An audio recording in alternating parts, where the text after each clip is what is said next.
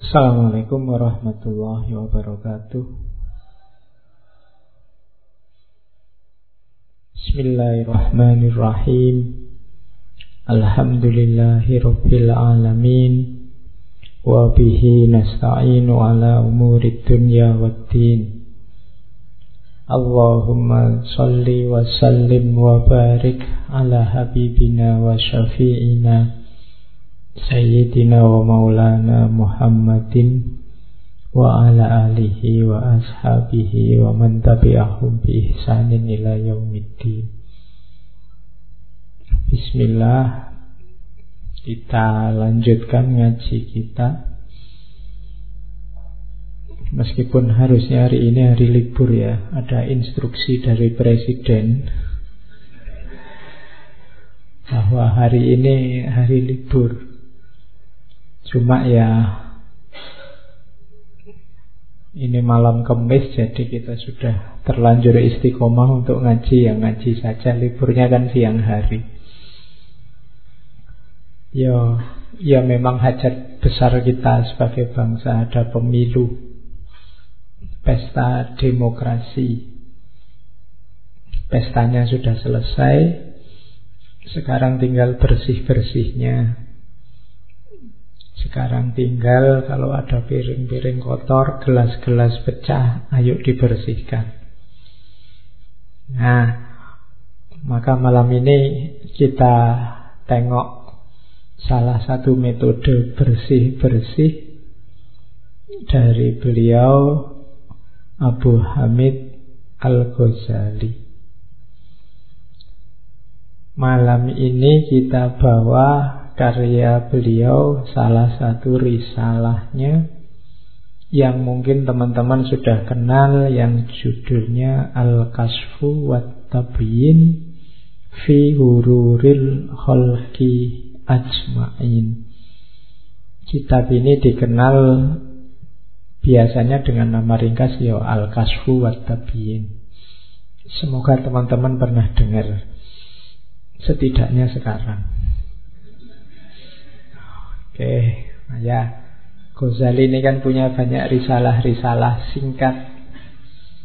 Risalah singkat ini biasanya cara menjelaskannya tidak bertele-tele, tidak panjang lebar. Tema orang-orang ini kan tema tentang orang-orang yang tertipu Al-Kasfu wa itu menyingkap dan memperjelas dan menjelaskan tentang ketertipuan semua manusia kholki ajmain semua ciptaan. Jadi ini sebenarnya ngomong tentang orang-orang yang tertipu. Secara ringkas jelas kitabnya tidak terlalu tebal. Kalau mau bisa satu Ramadan kalian kaji. Tapi malam ini kita ringkas jadi satu sesi pertemuan. Semoga bisa terangkum semua pandangan-pandangan Ghazali tentang orang-orang yang tertipu. Istilah tertipu ini di Al-Quran banyak, di hadis banyak. Tertipu itu berarti orang yang maksudnya orang yang merasa selamat padahal tidak. Orang yang merasa mulia padahal tidak. Orang yang merasa soleh mungkin padahal tidak. Orang yang merasa derajatnya tinggi padahal tidak. Orang yang merasa menang padahal tidak. Nah itu namanya tertipu. Oke. Kita lihat langsung saja. Saya tidak perlu banyak basa-basi tentang tokoh besar ini. Beliau Abu Hamid Muhammad bin Muhammad Al-Ghazali. Kita sudah sangat sering ngaji filsafat tentang Ghazali. Jadi saya tidak akan ngasih pengantar panjang. Insya Allah teman-teman sudah kenal tentang beliau Dan segala keutamaan, segala kebesarannya Sampai digelari Hujatul Islam. Problemnya adalah ada tidak di antara kita yang sudah kenal Ghazali ini tertarik untuk mengikuti jejaknya Ghazali? Problemnya kan di situ. Kalau sekedar kenal orang-orang besar itu ya kita mungkin kenal sangat banyak orang-orang besar, orang-orang penting. Problemnya adalah kita mau hanya kenal mereka atau mengikuti jejak kebaikan kemuliaan mereka. Problem kita hari ini sebenarnya di situ. Makanya banyak orang bilang Indonesia hari ini krisis keteladanan. Sebenarnya bukan krisis keteladanan, tapi krisis orang yang mau meneladani. Contoh teladan banyak. Sejak zaman kemerdekaan, mungkin sejak masa lalu juga banyak orang-orang mulia, orang-orang penting yang bisa diteladani. Cuma kitanya saja yang tidak mau meneladani. Oke, jadi Ghazali kita tahu beliau apa, maka langsung saja kita buka kitabnya. Yaitu kitabnya kuning, makanya covernya tak bikin kuning. Ben kaya ngaji kitab kuning tenanan.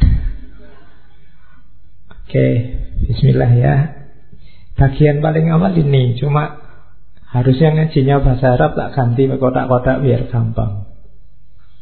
Jadi di pengantar itu Ghazali membuat kategori-kategori makhluk Makhluk itu ada dua jenis, ada makhluk hewan dan non-hewan. Hayawan dan wairul hayawan. Nah manusia ini masuk golongan hayawan. Makanya di Yunani klasik kan manusia itu disebut hewan yang berpikir atau dalam bahasa Arab pakai istilah hayawanun natik. Kita ini memang hewan yang membedakan dengan yang bukan manusia natiknya, berpikirnya. Maka jangan mau jadi orang yang tidak menggunakan akalnya, tidak berpikir. Karena nanti yang tersisa tinggal hayawannya. Yang hewan, yang hayawan terbagi dua, mukallaf sama muhmal. Mukallaf itu yang dapat tugas, dapat beban. Muhmal itu yang belum atau tidak dapat tugas, dapat beban. Ini pasti semua sudah tahu.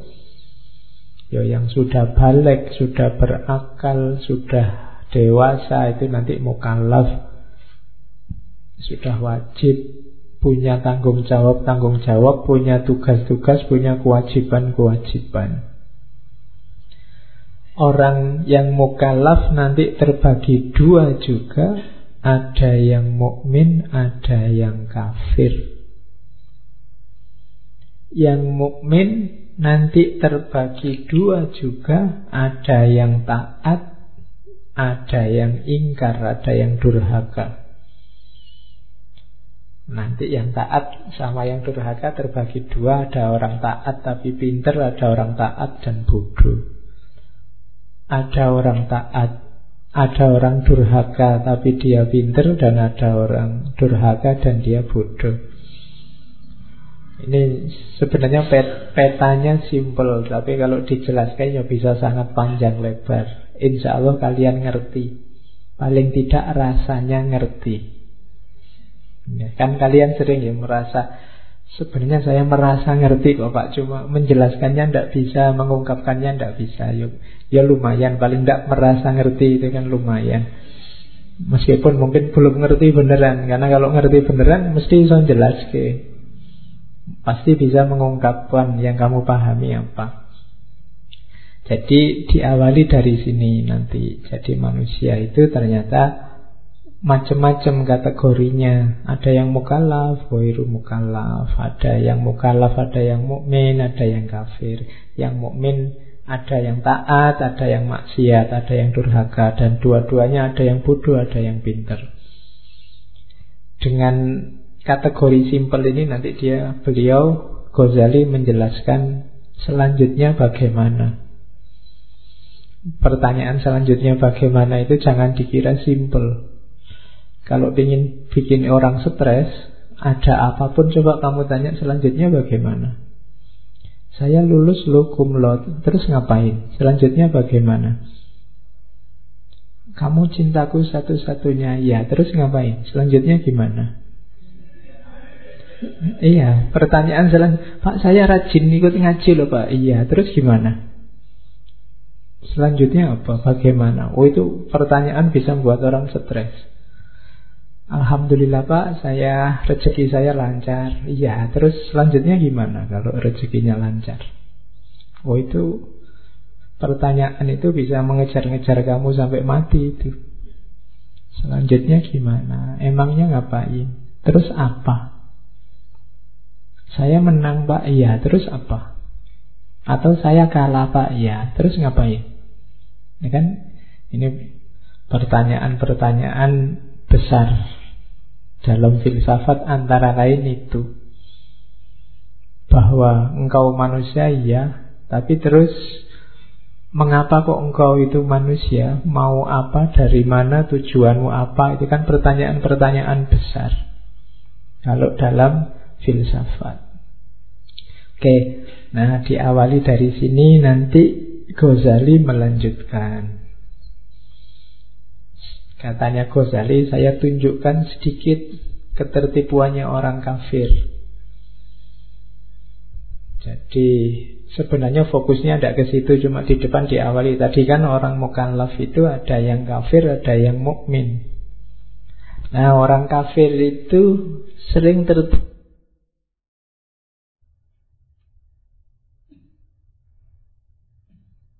Oke, yang pertama ketertipuannya orang kafir.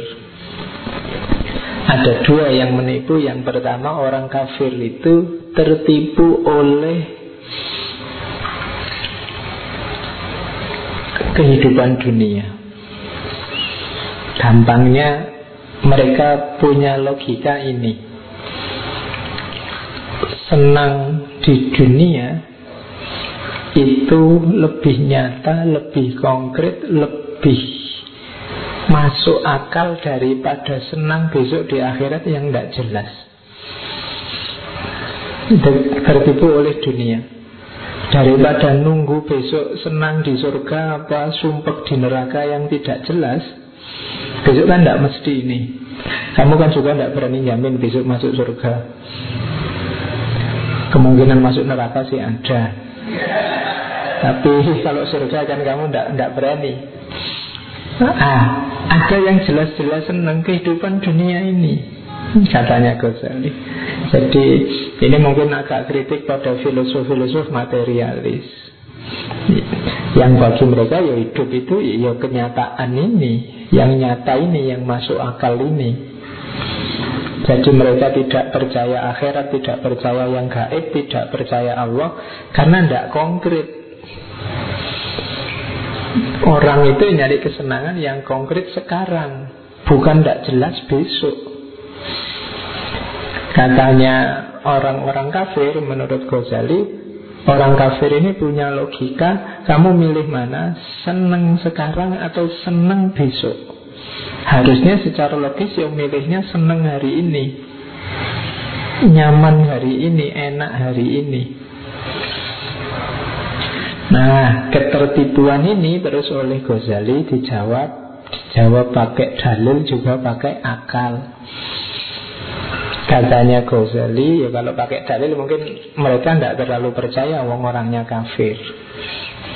Ya, wa ma indallahi khairu wa abqa apa yang di sisi Allah itu lebih baik dan lebih kekal. Atau kehidupan dunia ini hanya kesenangan yang memperdaya. Itu untuk kita yang muslim. Tapi untuk mereka mungkin tidak terlalu percaya wong sudah kafir. Maka katanya Ghazali jawab saja kalau ada logika semacam itu, ya kalau nilainya sepadan, ya kesenangan hari ini lebih baik daripada kesenangan besok. Tapi kalau nilainya jauh berbeda, ya lebih milih kesenangan besok. Kalau hari ini kamu senang-senang misalnya senang-senanglah hari ini tak kasih uang 5 ribu atau senang-senang besok tak kasih uang 500 juta misalnya Ya tetap orang milih besok Tidak sekarang Jadi level kesenangan dunia itu jauh dengan kesenangan besok di akhirat. Orang yang cerdas tetap milih yang besok, tidak milih yang sekarang. Sekarang puasa dulu tidak apa-apa, besok kalau buka enak. Jadi tidak katanya Ghazali Logikanya jawabnya gampang Tinggal dijawab Ini tidak selevel Pol-pole kalau di dunia Tapi kalau di akhirat bisa. Gambaran gampangnya begitu. Maka tidak selalu kesenangan konkret hari ini Mending daripada besok. Oke. Kamu mau hari ini saja yang jelek-jelek tidak apa-apa Atau tunggu 2-3 tahun lagi tapi cakep Nah kamu kan mesti milih besok. Ya tak tunggu aja tidak apa-apa Kan bisa begitu Nah itu logika sederhananya begitu. Jadi orang kafir punya logika ini bisa dibantah. Logika kedua orang kafir Kalau ini kalau istilahnya Ghazali Tipu dayanya Allah. Jadi orang kafir ini punya logika Tenang saja. Allah itu sayang kok pada kita Kalau memang dia ada Buktinya apa? Hidup kita enak itu. Kita maju itu, kita kaya itu, kita tentram itu hidup kita. Itu tipu dayanya Allah katanya Ghazali Mereka dikasih kesenangan, dikasih kenikmatan Dikasih banyak sekali anugerah. Mereka berkata Allah benar-benar telah berbuat baik pada kami Dengan menganugerahi kenikmatan dunia Setiap orang yang berbuat baik pada orang lain Pasti karena dia menyenanginya. Dan setiap orang yang menyenangi orang lain Pasti dia akan berbuat baik padanya. Jadi maksudnya apa? Loh, dibandingkan yang muslim-muslim Kita lebih maju. Pengetahuan kita lebih tinggi Negara kita lebih makmur Gampangannya gitu. Berarti kan Allah sayang sama kita. Kalau Allah tidak sayang sama kita Kita tidak akan dikasih yang begitu-begitu. Nah, katanya Ghazali Jawab saja kalau ada ungkapan seperti itu. Kadang-kadang Seseorang berbuat baik pada orang lain Itu belum tentu karena senang Bahkan kadang-kadang kebaikan itu perlahan-lahan jadi penyebab kehancurannya Jadi makanya disebut makarnya Allah jadi ketika Allah memberi seseorang atau memberi satu bangsa kenikmatan terus menerus itu juga harus hati-hati. Itu bukan berarti anugerah, kadang-kadang itu jebakan. Ya kayak kalian misalnya, tiba-tiba kalian dikasih uang satu miliar, itu saya tidak jamin kamu jadi lebih baik, lebih soleh, lebih religius dengan uang satu miliar ini. Kadang nambah mursal, mikir aneh-aneh. Tambah tidak karu-karuan hidupmu. Jadi Tidak mesti. Kalau ada anugerah Ada bahwa kamu enak, bahwa kamu nyaman Itu bukti Allah sayang. Kadang-kadang justru itu menjerumuskan. Jadi ini yang disebut makarnya Allah. Oleh Allah memang dikasih begitu Dikasih enak terus, dikasih nyaman terus. Tapi di balik itu kita pada akhirnya dapatnya yang negatif-negatif. Ya kayak orang makan enak terus pada akhirnya ya darah tinggi, diabetes, ginjalnya hancur, macam-macam. Dibandingkan kita yang tidak pernah makan enak, paling kan sakitnya masuk angin, panu, padas. Nah, iya. Jadi itu yang disebut hururnya orang-orang kafir Dan ini jawabannya ada di Al-Quran Al-Mu'minun 5556 sama Al-An'am 44 Ayah sabuna annama numidduhum bihi min mali wa banin. Nusari ulahum fil khairati urun Apakah engkau anggap saat kami berikan pada mereka harta dan anak-anak itu kita sedang mempercepat kebaikan dalam diri mereka Tidak begitu Bahlayas urun Tapi mereka tidak terasa Falamma nasu ma zukiru bihi fatahna alaihim abwaba kulli syai.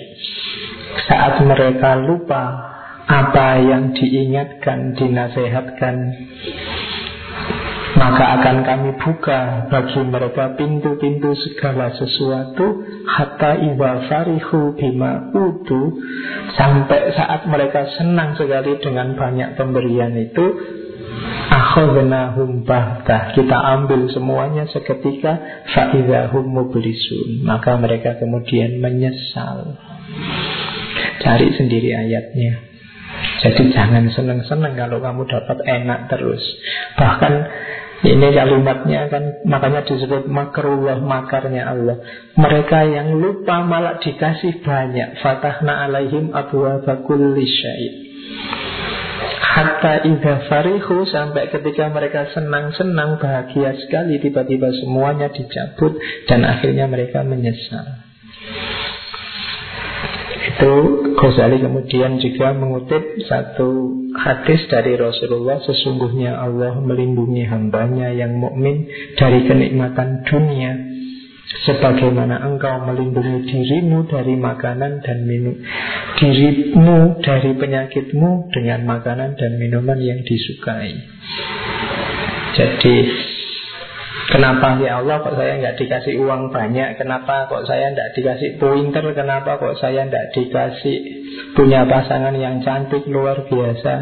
Tidak apa-apa itu. Katanya Allah kayak kamu tidak boleh makan gula Biar tidak diabetes Tidak boleh makan banyak garam Biar tidak darah tinggi Tidak boleh makan banyak lemak Biar nggak kolesterol. Jadi justru dilindungi oleh Allah Dari penyakit. Oke. okay. Kadang-kadang orang itu waktu tidak punya apa-apa Dekat sama Allah. Tapi begitu punya macam-macam lupa. Kayak kalian waktu sumpek Waktu ujian tidak lulus-lulus Itu kan biasanya dekat sama Allah Nangis-nangis sama Allah. Tapi begitu senang Dapat banyak anugerah Dapat beasiswa lah Dapat inilah. Biasanya malah agak menjauh. Nah maka Sabdanya Rasulullah tidak ketika justru seorang mukmin nggak dapat apa-apa itu sebenarnya dilindungi oleh Allah biar tetap berada dalam naungannya Allah tidak menjauh. Oke, biar tidak kayak orang kafir yang terjebak oleh makarnya Allah. Dan ayatnya bunyinya wa makaru wa makarullah dan mereka membuat makar Allah juga bisa membuat makar. Wallahu khairul makirin. Allah lah yang paling ahli membuat makar. Meskipun jangan dilaporkan ke polisi karena makarnya Allah itu tidak bisa ditandingi. Berdoalah agar Allah tidak membuat makar yang membuatmu jauh darinya.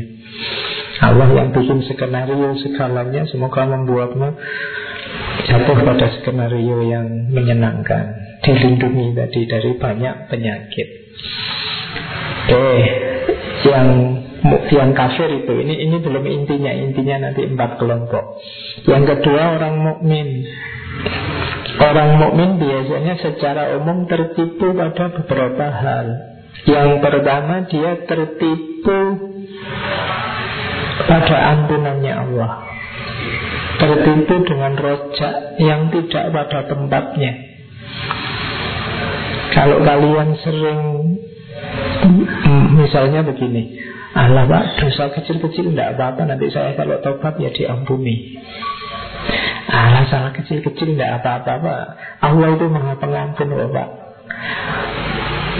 Itu tipuan yang sering mampir ke kita meremehkan dosa karena bersandar pada ampunannya Allah Meremehkan maksiat Karena bersandar bahwa besok mau tobat. Bikin hok kecil-kecil Tidak apa-apa lah Tolong itu untuk guyonan aja. Istighfar sebentar sudah hilang. Saya wudhu aja rontok semua dosanya Pak. Kan gitu kalau wudhu saya diterima Dosa langsung rontok dari wajah Dari tangan. Jadi santai aja lah Pak. Bikin dosa kecil-kecil. Saya itu kalau istighfar nggak ada dosanya Kurang mantep Pak. Ya kan? Biar istighfar saya mantep ya. Ada dosanya kecil-kecil dikit-dikit Itu kan bisa lebih mendalam Pak. Nah, Itu ketertibuan pertama Katanya Ghazali. Katanya Ghazali Rojak tambah didahului amal Pasti tipu daya Karena rojak itu fungsinya tidak di awal Rojak itu fungsinya adalah menyejukkan rasa takut dan putus asa. Kalau kamu sedang galau, sedang mau putus asa, di situ rojak bermain. Bukan di awal. Kalau sudah usaha maksimal tinggal nunggu nilainya keluar apa hasilnya keluar, di situ rojak dihidupkan. Kalau sebelum usaha sudah rojak, biasanya males-malesan. Karena tenang aja Kalau Allah bantu ya pasti jalan. Ah itu sumbernya malas-malasan Rojak itu untuk Aduh saya kok sudah berusaha keras Rasanya hasilnya kok tidak maksimal ya. Tapi insya Allah Allah membantu kok. Nah itu rojak. Jadi tidak untuk menyepelekan dosa kecil atau besar. Jadi Para mukmin hati-hati. Ya Allah itu maha pengampun. Ampunannya jauh lebih luas dari dosamu Tapi jangan disepelekan. Karena kalau disepelekan Kamu merasa selamat Padahal tidak. Kamu merasa diampuni Padahal tidak. Itu yang disebut Kita termasuk minal mahzurin Orang-orang yang tertipu Ketertibuan mukmin yang pertama, ketertibuan mukmin selanjutnya katanya Ghazali banyak juga umat Islam yang bersandar pada statusnya. Antara lain termasuk pada orang tuanya. Di situ orang tuaku kan orang soleh Insya Allah aku juga selamat kayak orang tuaku. Aku kan muslim. Insya Allah aku lebih selamat daripada yang kafir. Ini bersandar pada status Dirinya lebih selamat karena orang tuanya bertakwa Atau karena status-statusnya yang lain. Ini ketertipuan selanjutnya dari seorang mukmin. Bapakku kan ustadz Berarti disayang Allah. Kalau bapakku disayang Allah kan aku juga pasti disayang.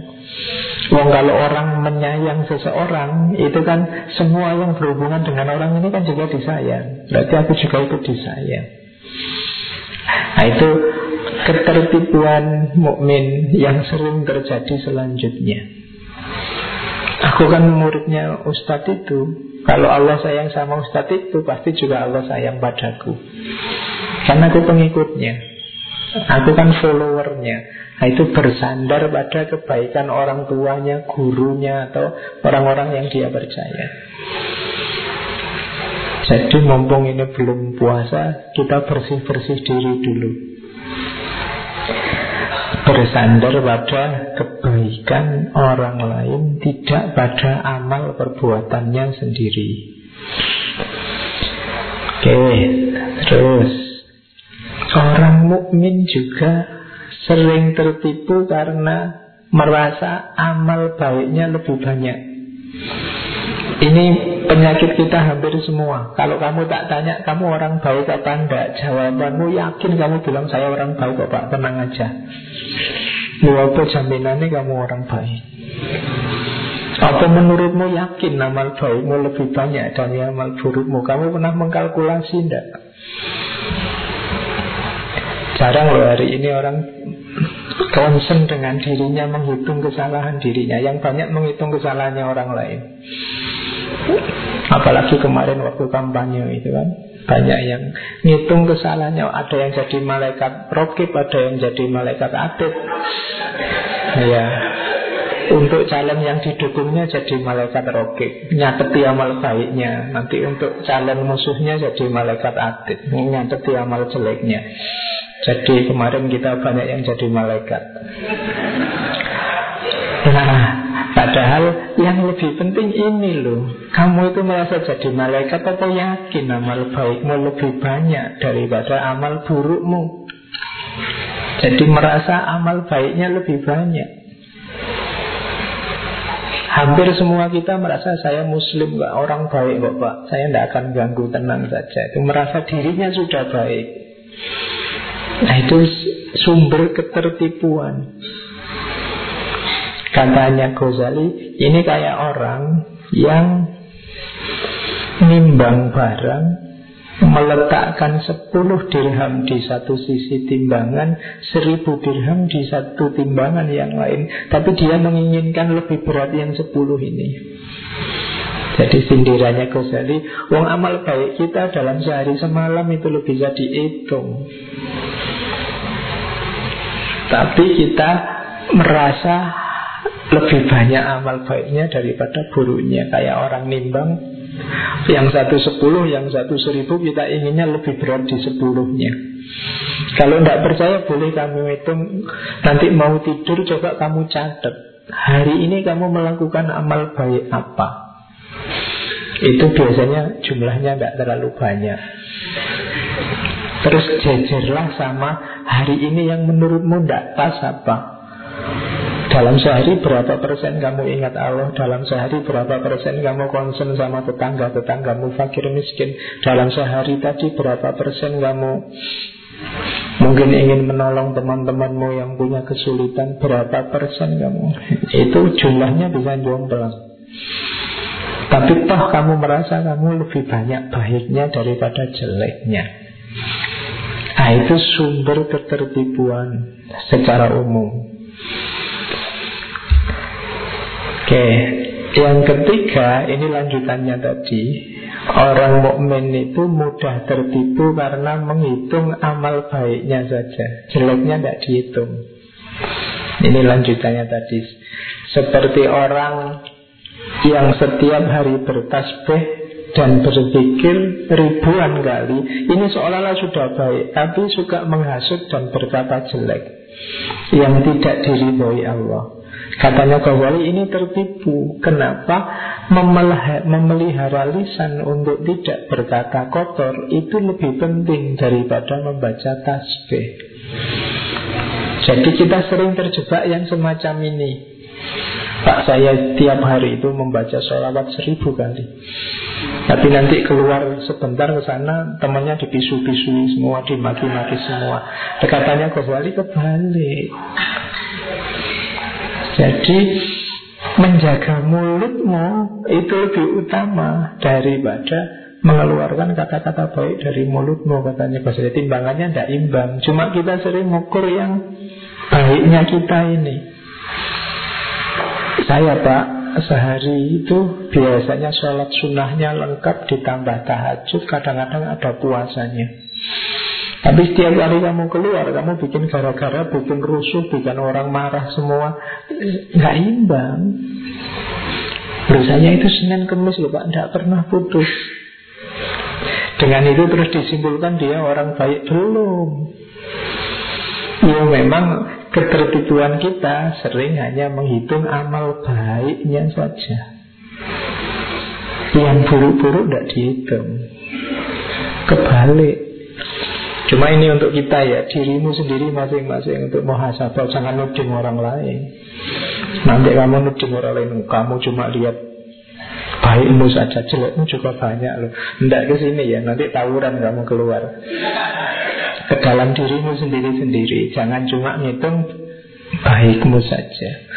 Jadi kalau kamu sadar bahwa baikmu tidak banyak Mungkin banyak jeleknya Kamu tidak akan ngomong jelek ke orang lain. Tidak akan jadi hakim, jadi malaikat ke orang lain.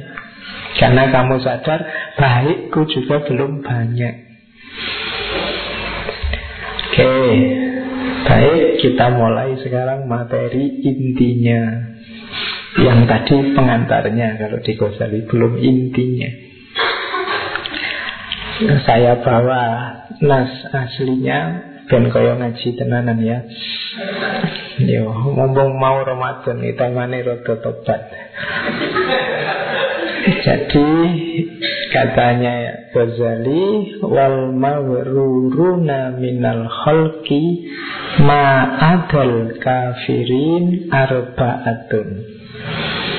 Dan orang-orang yang tertipu di antara makhluknya Allah Selain orang-orang kafir Itu ada empat kelompok. Arba'atu asnafin Empat kelompok. Sinfun minal ulama Satu kelompok dari golongan ulama Wasinfun minal ubat Satu kelompok dari golongan ahli ibadah Wasinfun min arbabil amwal. Dan satu kelompok dari orang-orang kaya Wasinfun minal mutasawwifah Dan satu kelompok dari kaum sufi, ahli sufi.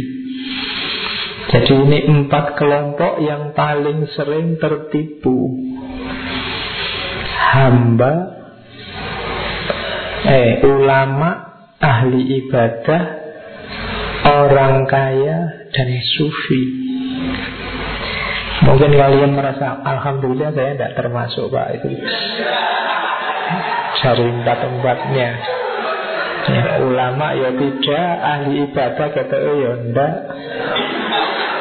Orang kaya apalagi sufi apa mana ya, ya. Yang tidak tertipu itu biasanya ya levelnya di bawah ini. Ini levelnya orang sudah tinggi dan merasa tinggi tapi dia keliru. Sebenarnya levelnya masih rendah tapi merasa tinggi. Kalau kalian kan ya memang rendah Alhamdulillah merasa rendah jadi ini orang yang tertipu. Atau jangan-jangan kalian merasa Saya mahasiswa berarti ulama. Ya boleh Tapi hati-hati besok ya. Ulama ada ketertipuannya. Atau Pak saya rajin sholat Rajin tahajud rajin Berarti ahli ibadah ya. Nanti ada rambu-rambunya Awas tertipu. Saya kaya loh Pak. Lumayan bapak saya misalnya. Yo nanti ada ketertipuannya. Saya sufi Pak. Saya sering ikut ngaji tasawuf itu Pak Saya Iya, ya ayo dicek. Jangan sampai tertipu. Kan itu wanti-wantinya Ghazali di kitab ini itu. Banyak orang yang tertipu. Kita lihat. Yang paling banyak nanti ulama. Nomor dua ahli sufi. Nomor tiga ahli ibadah. Yang ketertipuannya agak sedikit Tentang harta. Ya jumlahnya tidak menentukan Tapi ketertipuannya yang perlu diwaspadai. Kita lihat ya satu-satu. Yang pertama, ketertipuannya ulama. Yang pertama, ulama itu sering tertipu karena sibuk dengan ilmunya, lupa untuk mengarahkan dirinya agar taat pada Allah dan menjauh dari maksiat. Dengan punya ilmu saja mereka merasa derajatnya sudah tinggi. Pasti saya disayang Allah. Dosaku mesti diampuni. Ketertipuan pertama. Katanya Ghazali Saya tidak apa-apa ya Jambal ngomong Ghazali Karena banyak juga ya Pak mau ngomongnya jangan Ghazali. Syekh Hujatul Islam Imam Abu Hamid Al-Ghazali Ini ketahuan kalau saya ngomong gitu terus Tidak apa-apa. Insya Allah kita semua menghargai beliau. Memang beliau hujatul Islam orang besar. Untuk ringkasnya Kita sebut beliau Ghazali jadi katanya Ghazali Orang ini kayak dokter yang mengobati orang lain Tapi dia sendiri sakit dan tidak mengobati dirinya sendiri. Jadi ini penyakitnya orang pinter Sibuk penelitian, sibuk mendalami ilmu Tapi lupa tentang dirinya sendiri.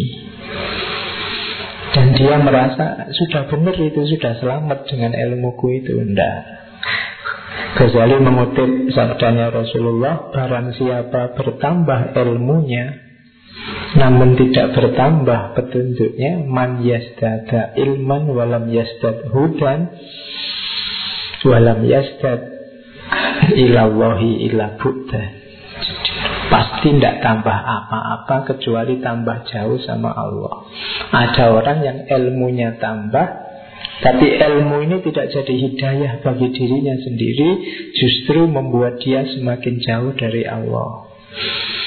Silahkan kalian introspeksi Setiap kali ilmu menambah Adakah kedekatanmu tambah sama Allah semakin dekat jaraknya Kalau tidak Dikoreksi lagi Jadi ilmu itu harusnya semakin mendekatkanmu sama Allah Karena ilmu itu media Untuk mendekat ke Allah Untuk ilahi roji'un kalau hanya sibuk dengan ilmu, melupakan dirinya sendiri, kualitas dirimu tidak meningkat sama sekali dengan tambahnya ilmu, berarti kamu tertipu.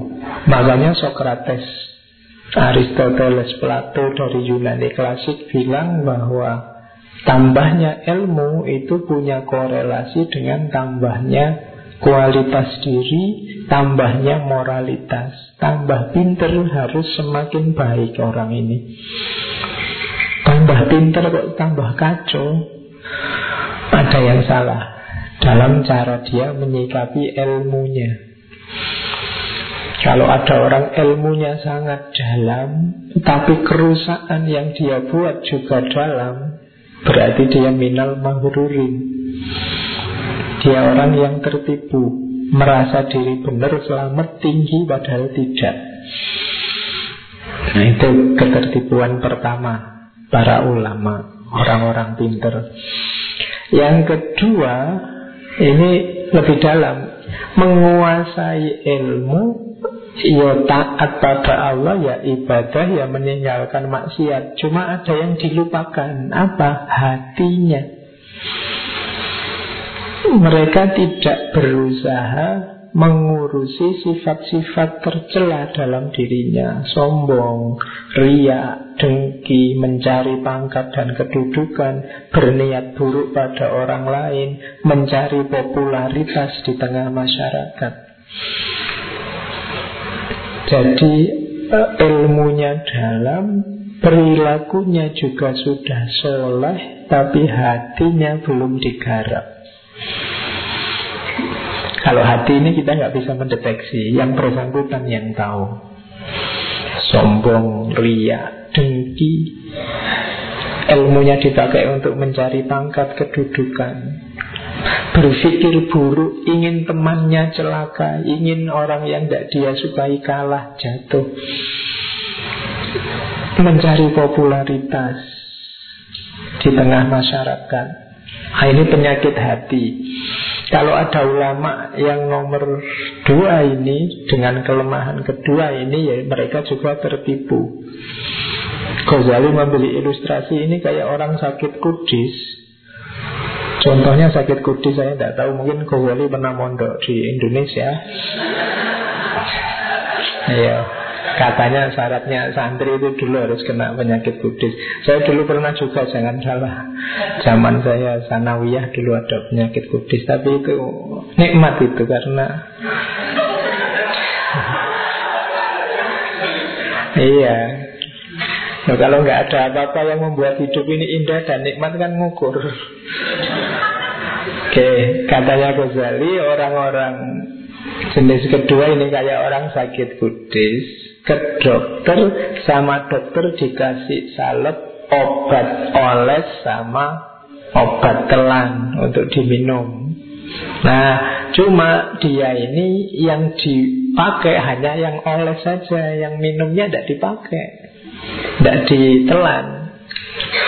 Jadi yang luar sembuh tapi akar penyakitnya yang di dalam tidak tuntas. Yang benar dia ulama luar biasa menguasai ilmu soleh puasa tahajud tapi hatinya ketinggalan nggak diurusi nah ini orang-orang yang tertipu juga katanya Ghazali Nah ini kita harus introspeksi lagi. Ternyata tidak cukup tadi Kita menyembuhkan ketertipuan pertama Bisa jatuh ke sini Kalau tidak hati-hati. Tertipu kedua. Eh ada tertipu lagi ketiga.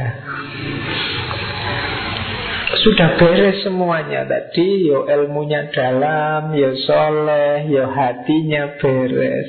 Tapi masih sisa dikit ini apa Bangga dengan dirinya Waduh aku ini sudah ilmunya dalam, soleh, ndak sombong, baik hati, macam-macam. Iya. Jadi masih ada sisanya ternyata. Jadi katanya Ghazali justru ini kelompok yang paling dicintai oleh iblis. Jadi ilmunya dalam, merasa beres semua, dan menganggap dirinya sudah nggak sombong, tidak saya, tidak iri, tidak sombong sama siapa pun. Tapi justru itu sebenarnya menunjukkan ya core of the core-nya sombong itu. Jadi intinya sombong itu di situ. Jadi kalau dia melakukan sesuatu Dia lo ini menegakkan agama Ini menunjukkan keagungan ilmu Ini menolong agamanya Allah. Tidak sadar Dia merasa sudah baik Padahal belum. Kalau ngomong penuh kedengkian Tapi dia tidak sadar. Menganggap lo ini jihad. Dari mulutnya keluar kata-kata kasar Ya ini demi dakwah. Kalau lemah lembut terus Tidak ada orang ikut. Ketertipuan selanjutnya Ada ilustrasi dari Ghazali. Ulama semacam ini Kalau ada ulama lain difitnah ia merasa senang dalam hatinya. Meskipun yang ditambahkan adalah kebencian. Maksudnya kalau ada ulama kok dapat kesulitan dia gayanya membela kan itu menampakkan kebencian kok jangan begitu. Tapi dalam batinnya senang lumayan saingan satu hilang. Jadi dia tidak sadar begitu. Dia merasa sudah sangat baik padahal tidak. Ketika dia pamer ilmu kalau ditanya oh sampean ini jangan-jangan pamer ilmu ndak? Ini demi manfaat pada sesama.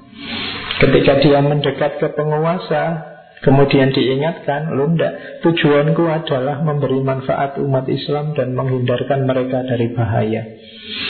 Ketika kadang-kadang ngambil harta masyarakat, mereka bilang, lo ini untuk kesejahteraan umat. Dan mereka tetap merasa bahwa dirinya beres. Nah ini ketertipuan selanjutnya dari para ulama. Ya kalian, kalian ini kan calon ulama semua. Tidak usah dicari-cari ulamanya yang mana.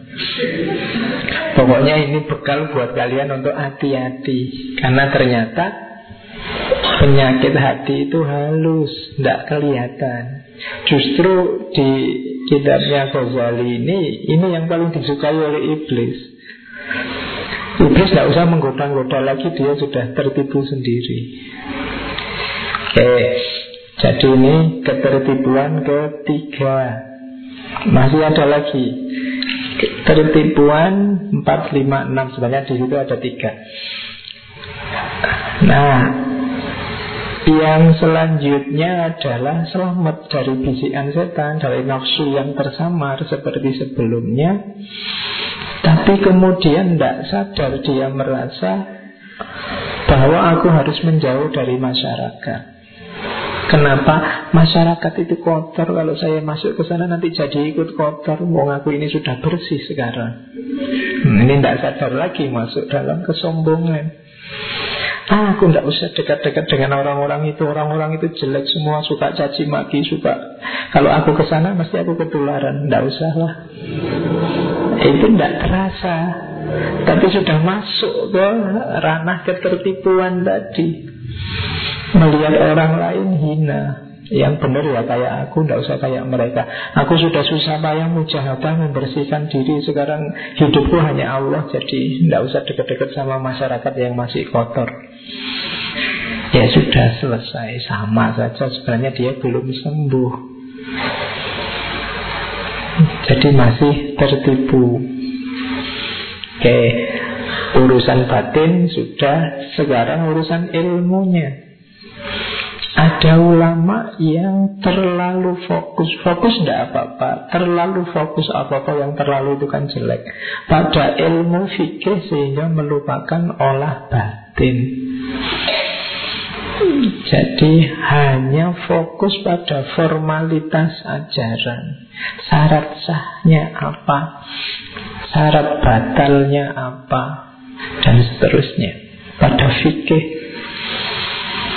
Nah, sehingga batinnya tidak digarap. Apa-apa dicari mana halal, mana haram. Tidak keliru, tapi itu baru setengah jalan. Harus lebih masuk lagi. Karena Islam itu kan ya lahir ya batin. Ada juga yang kedua kelompok jidal, kelompok ilmu kalam. Jadi terlalu fokus pada ilmu kalam. Biasanya terus suka jidal, suka perdebatan. Ingin mengalahkan aliran yang lain, kelompok yang lain. Ini sumber kesombongan juga. Debat Kemudian diskusi saling menjatuhkan. Katanya Ghazali ini memicu ego, memicu ingin menang, ingin menaklukkan yang lain, mencari-cari salahnya yang lain dan mengunggulkan dirinya sendiri. Itu bahaya untuk perkembangan jiwa, katanya Ghazali. Hati-hati. Iya ilmu kalam boleh, belajar fikih harus, cuma jangan terlalu ekstrim di situ. Terlalu banyak belajar fikih Ya nanti apa-apa kamu cari hukumnya. Ngaji pakai mikrofon halal apa haram? Ini jangan-jangan bid'ah misalnya kan. Kan itu terlalu fokus pada fikih Mau minum ditanyakan Ini gulanya halal apa haram? Bahannya dari apa? Belinya di mana? Jangan-jangan beli di orang kafir. Ini yang jualan kafir apa mukmin? Iya bingung kalian. Apa-apa dicari fikihnya Jadi Nah yang kalam juga begitu. Senengannya debat. Apa-apa diperdebatkan. Alasannya apa? Argumennya mana? Dalilnya mana? Dalil itu soheh apa? Kan gitu. Kalau itu ahad Di kitab mana? Ya Jadi Hidupnya berputar di situ, tidak masuk ke dalam, tidak meningkatkan kualitas, tapi saling bersaing, saling menjatuhkan. Ketertipuan selanjutnya dari ulama. Bukan berarti salah orang belajar ilmu kalam atau belajar ilmu fikih. Tapi tidak pas tertipu kalau hanya fokus di situ. Terus Nah, ini kelompok selanjutnya. Ulama yang suka ceramah, suka menasehati tentang nafsu, hati, kita harus khauf, raja, zuhud, tawakal, ikhlas, juga suka ceramah yang sufistik-sufistik, yang mendalam itu. Dan dengan ceramah saja dia merasa ya kayak aku ini yang sudah melakukan semuanya. Ini ulama yang tertipu juga. Ya seperti sering saya bilang, orang tidak jadi baik hanya dengan menceramahkan kebaikan. Orang baik itu orang yang menjalankan kebaikan. Kalau cuma ceramah, enggak. Kalau ada ulama yang dengan ceramah tentang kebaikan dia sudah merasa baik, dia sedang tertipu. Tidak selalu Orang yang ngomong kebaikan dia jalankan. Nah yang tidak menjalankan inilah termasuk ulama-ulama yang tertipu. Kebalikannya kalian juga yang mendengarkan. Ada orang yang memberi nasihat dan mendengarkan Kayak kalian, Pak saya rajin ikut ngaji. Tasawuf, saya rajin ikut ngaji. Filsafat, saya rajin. Merasa wis sufi, wis filosof, wis. Sebelum berfilsafat, sebelum suluk Kamu sudah merasa jadi sufi Sudah merasa jadi filosof. Hanya dengan mendengarkan. Dua-duanya tertipu. Apakah yang ceramah atau yang mendengarkan ceramah Mendengarkan ceramah saja tidak membuatmu jadi orang baik. Orang baik itu orang yang menjalankan isi ceramah yang baik-baik.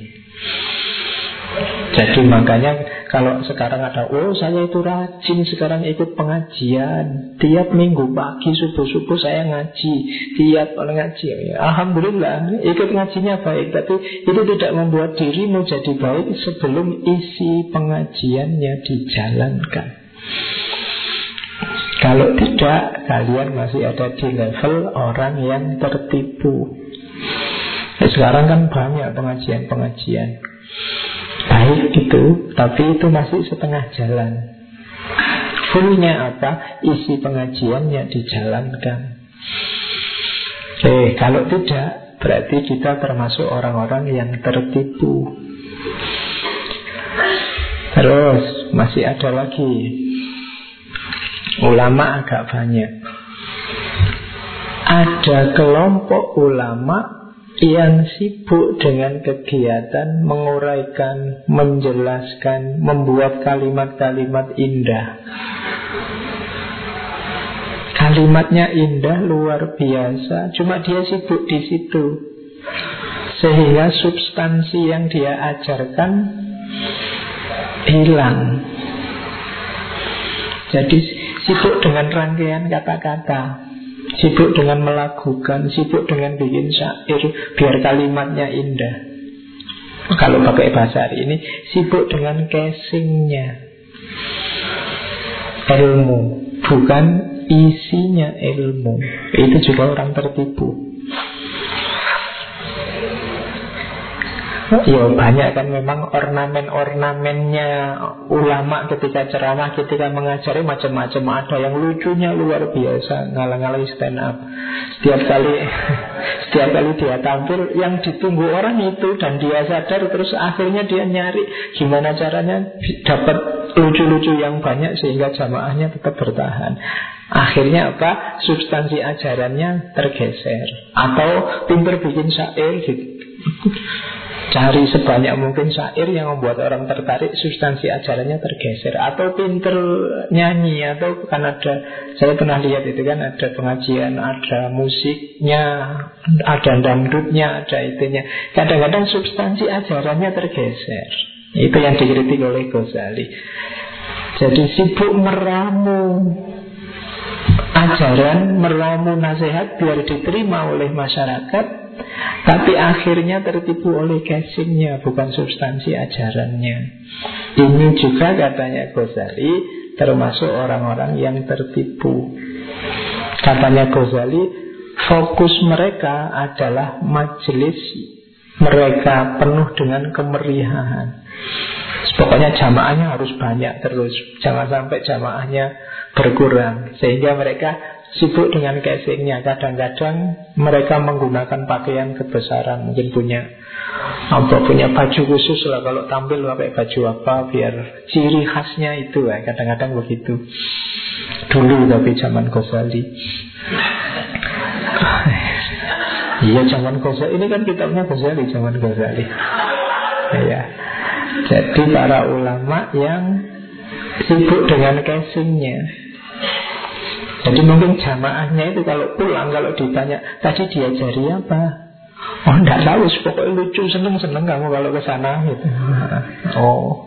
Atau seneng ke sana Banyak nyanyinya Banyak lagunya Banyak itunya. Lu enggak salah itunya Cuma yang membuat tertipu itu ketika Ajaran utamanya Substansi yang mau dinasehatkan Terus tergeser Nah, itu seperti kalimat terakhir sering kali mereka malah memalingkan jamaah. Ini yang dikhawatirkan dari jalan menuju Allah. Harusnya semakin banyak majelis ilmu diikuti Kualitas diri seseorang meningkat semakin dekat dia sama Allah. Kalau tidak Berarti ada yang salah dalam proses pencarian ilmunya. Antara lain mungkin ketertipuan di sini ini Terlalu sibuk dengan casingnya Melupakan substansi ajarannya. Oke Terus ada pula ini Pokoknya ini bagian ngeritik ulama terus Tapi kamu tidak usah nyari-nyari ulamanya siapa dan di mana lo ya. Nanti kamu jadi tukang kritik. Wong ini untuk kamu sendiri. Ada yang senang dengan kalimat-kalimat sufistik dari ahli zuhud dengan pembicaraan tentang rendahnya nilai dunia terus ke mana-mana diulang-ulang jamaahnya juga mengulang-ulang ini tapi mereka semua tidak mengamalkannya Jadi mungkin kayak ngaji filsafat ini Kamu potong-potong, kamu pilih yang kamu seneng-seneng Aku tidak ngelakoni, kamu juga tidak ngelakoni. Kamu sebar ke mana-mana Wong kita semua tidak menjalankan apa-apa Cuma ngomong tok sama mendengarkan Nah itu tertipu juga katanya Ghazali ini kan kalimat-kalimat suhud, kalimat-kalimat sufistik kan malam ini bertaburan. Cuma itu ya saya ngomong, kamu mendengarkan, terus besok rekamannya kamu sebar, cuma itu dok. Tidak ada yang diamalkan. Berarti kita semua tertipu. Merasa lebih mulia, lebih tinggi dari yang lain, padahal tidak. Levelnya sama, kita di bawah semua. Jadi ini ketertipuan selanjutnya. Jadi Kan kadang-kadang kita memang suka dengar ungkapan-ungkapannya para sufi Jalaluddin Rumi, Ibnu Arabi, Ghazali itu kan ungkapannya indah-indah terus ke mana-mana kita ulang tapi kita tidak menjalankan itu hanya mengulang-ulang saja Cinta pada Allah itu cirinya ada enam. Satu, dua, tiga, empat. Kamu sudah? Belum. Ya kan? Jadi sudah berusaha juga belum. Tertipunya di situ. Ghazali sendiri Beliau melakukan konversi dari ilmu-ilmu lahir ke ilmu batin. Itu karena ini. Dia merasa Ah, selama ini kan diingatkan oleh adiknya Ahmad Al-Ghazali Adiknya ini kan seorang sufi. Memang kalau Ghazali belum. Ghazali ini ilmuwan besar pada zamannya Sebelum masuk ke dunia sufi. Waktu Ghazali asik-asiknya ceramah Penggemarnya sangat banyak luar biasa. Tiba-tiba didatangi oleh adiknya Langsung ditunjuk oleh adiknya. Dimarahi sama adiknya Wahai batu asah Sampai kapan engkau menajamkan orang lain dan dirimu sendiri tidak tajam? Nah, itu Ghazali langsung shock waktu dituding adiknya itu. Kabarnya sampai berbulan-bulan dia merenung dan tidak bisa ceramah lagi. Karena dimarahi sama adiknya. Karena bagi Ahmad Ghazali Muhammad Al-Ghazali ini hanya batu asa. Membuat orang lain sadar Membuat orang lain tercerahkan Tapi dia sendiri tidak. Menjalankan yang diomongkan. Maka wahai batu asa Sampai kapan engkau menajamkan orang lain? Batu asah itu kan untuk ngasah senjata Yang membuat senjata tajam. Tapi batunya sendiri nggak pernah jadi tajam. Kamu ngiris pakai batu asah nggak bisa. Nah saat itu katanya adiknya Ghazali kayak batu asa Nah ini kayak kritiknya Ghazali ini Bahwa banyak memang ulama-ulama yang seperti batu asa dia menajamkan orang lain, membuat orang lain sadar, tapi dirinya sendiri tidak tajam, tidak sadar. Kadang-kadang mungkin kaget. Kadang-kadang saya juga ada postingan sak menit sak menit itu ya. Oh saya pernah ngomong gini tuh ya. Selalu ya. Seminggu sekali ngomong dua jam dua jam kadang-kadang ngomongnya ngalor ngidul loh kaget dewi kadang gue heran gitu apik men aku ngomongnya ngono. Padahal ya nggak jalan semua itu kan jadi makanya saya agak tidak enak kalau dengerin suaraku dewi wis anggap baik. Jadi Nah itu ciri-ciri orang yang tertipu itu di situ. Kalian hati-hati jangan ketipu oleh saya. Jangan-jangan mau ustadznya aja tertipu, apalagi jamaahnya. Oke, terus masih ada lagi ketertipuan ulama. Kalau ini ulama hadis. Ada ulama hadis yang waktunya habis untuk mempelajari hadis, mendengarkan hadis, mengumpulkan riwayat-riwayat, mencari sanat-sanat yang asing. Mereka sibuk mencari riwayat dari para syekh ahli hadis supaya bisa mengambil sanad. Banyak kan kita di antara kita yang sering Allah kamu ngajinya ke mana? Sanatnya dari siapa? Ya, sibuk dengan sanat. Atau zaman dulu mencari hadis, ulama-ulama perawi hadis. Ini sebenarnya tidak salah. Cuma kalau umurmu habis hanya untuk mencari sanat, lah kapan kamu menjalankan isinya hadis? Jangan berhenti di sana. Jangan berhenti di riwayat-riwayat. Jalankan isinya hadis itu. Itu lebih penting. Itu kritiknya Ghazali. Banyak kan zaman dulu itu perdebatan-perdebatan tentang soheh tidaknya hadis. Ada cerita satu ketika Ghazali ini di sidang karena dianggap banyak menggunakan hadis-hadis yang sanatnya lemah. Terus jawabnya Ghazali, iya, saya punya cara sendiri untuk menentukan soheh atau tidaknya hadis. Katanya Imam Ghazali, saya itu kalau ada hadis, kalau ulama yang lain kan dicari rawinya siapa. Kalau Imam Ghazali dicium. Kalau hadis ini baunya harum, berarti soheh. Kalau tidak, berarti tidak. Oh itu metode yang hanya orang tertentu yang bisa dan itu yang dilakukan oleh Imam Ghazali. Ya mungkin levelmu masih tidak bisa. Saya saya cium loh Pak, bukunya kan baunya bau apek semua, tidak pernah dibuka.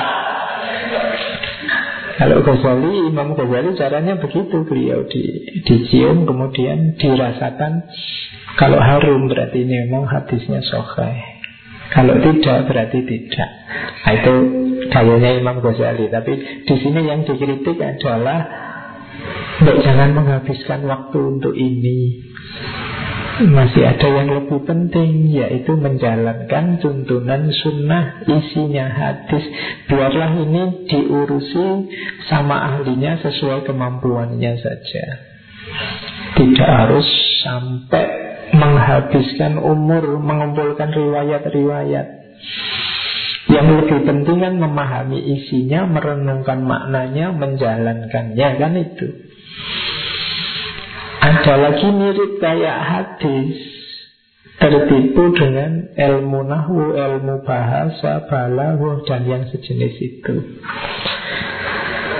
Jadi menghabiskan umur untuk ilmu alat Itu yang oleh Imam Ghazali dikritik Iya bahasa Arab itu penting Nahwu sorof itu penting Tapi cuma alat yang lebih penting lagi gunakan alat itu sehingga berguna untuk meningkatkan kualitas keberagamaan kita.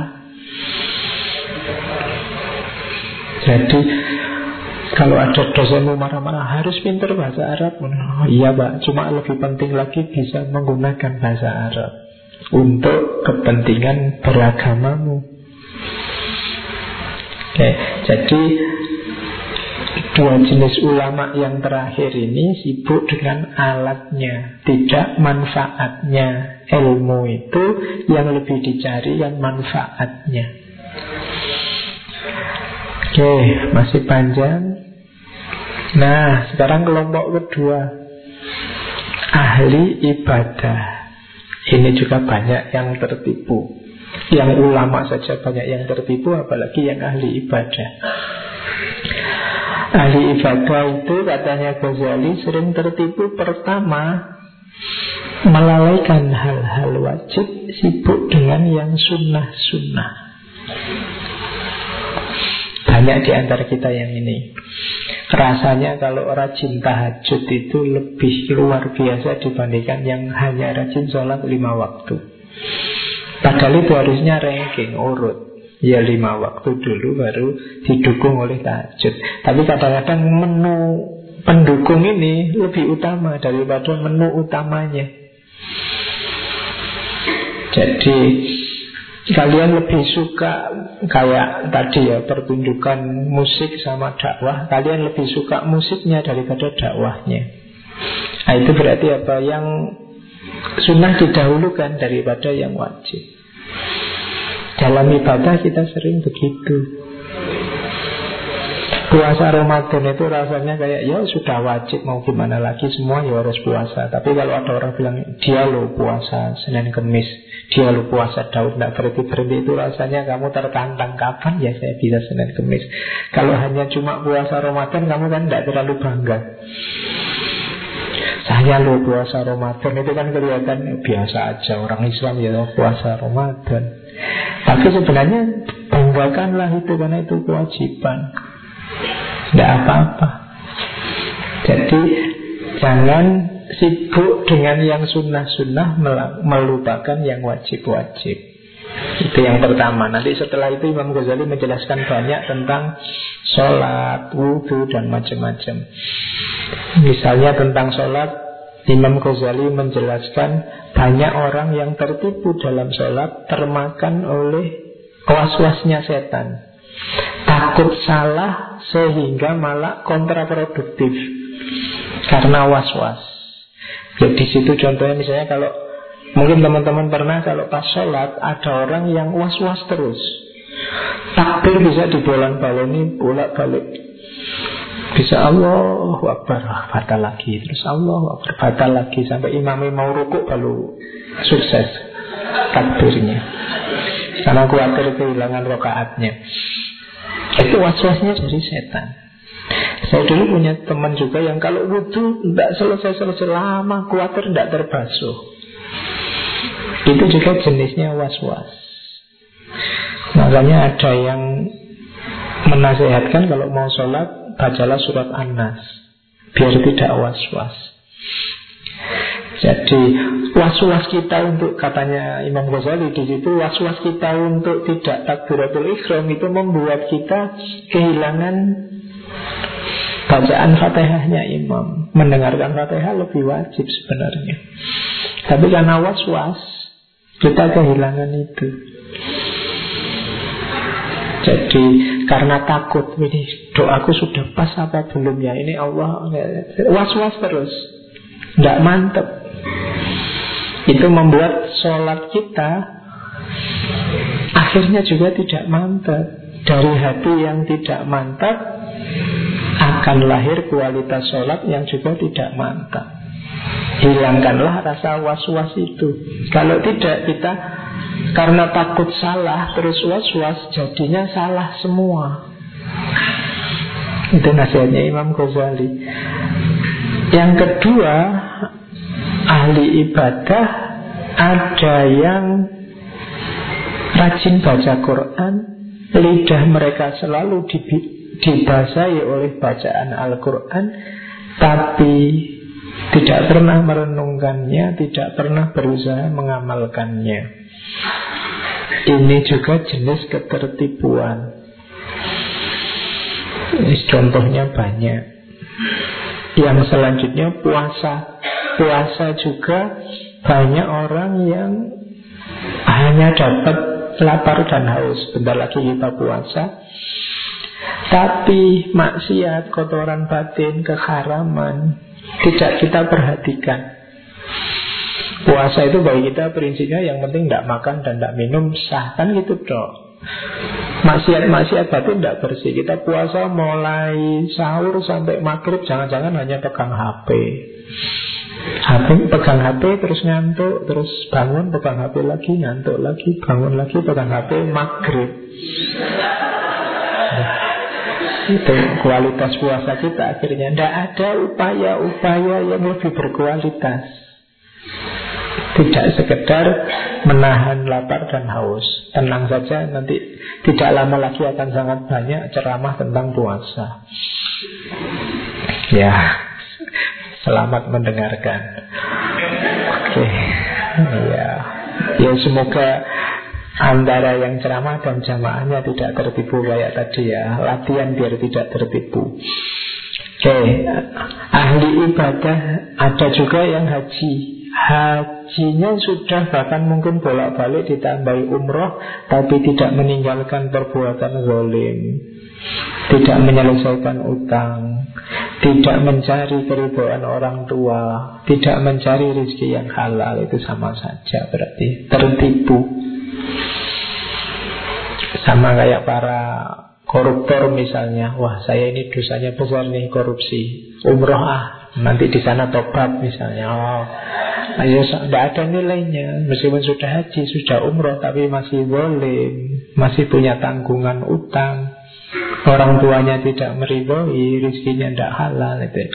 Tidak ada logika matematika bahwa kalau saya korupsi 10 tapi kemudian ditutup dengan amal baik satu yang satu ini kualitasnya dilipat gandakan jadi 70 jadi masih untung 60 misalnya.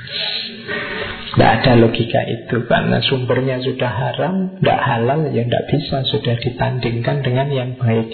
Itu kayak kotoran yang dilemparkan ke air jernih Kotorannya tidak jadi hilang Tapi airnya jadi najis. Oke terus Ini contoh lagi ahli ibadah yang tertipu. Ada orang yang melakukan ibadah Contohnya adan Ada orang ahli adan Dan dia merasa saya adan ini ikhlas Pak lillahi ta'ala Karena Allah. Tapi begitu ada orang lain yang ganti adan Kayaknya dia ah dan kayak gitu. Kurang berkualitas. Ah dan itu mbok ya cari ikhlas. Tapi ada orang lain azan kok tidak terima. Sama kayak imam.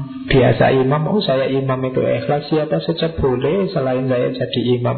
Tapi begitu ada orang lain imam wah komentarnya tidak berhenti berhenti imam kok kayak gitu. Imam ya sudah Nah itu dia tertipu juga sebenarnya. Menunjukkan dia berpamrih Tidak ikhlas. Jadi Yaitu contohnya Ada yang berebut jadi imam masjid Supaya dijuluki hamba terbaik. Wah ini imam ini.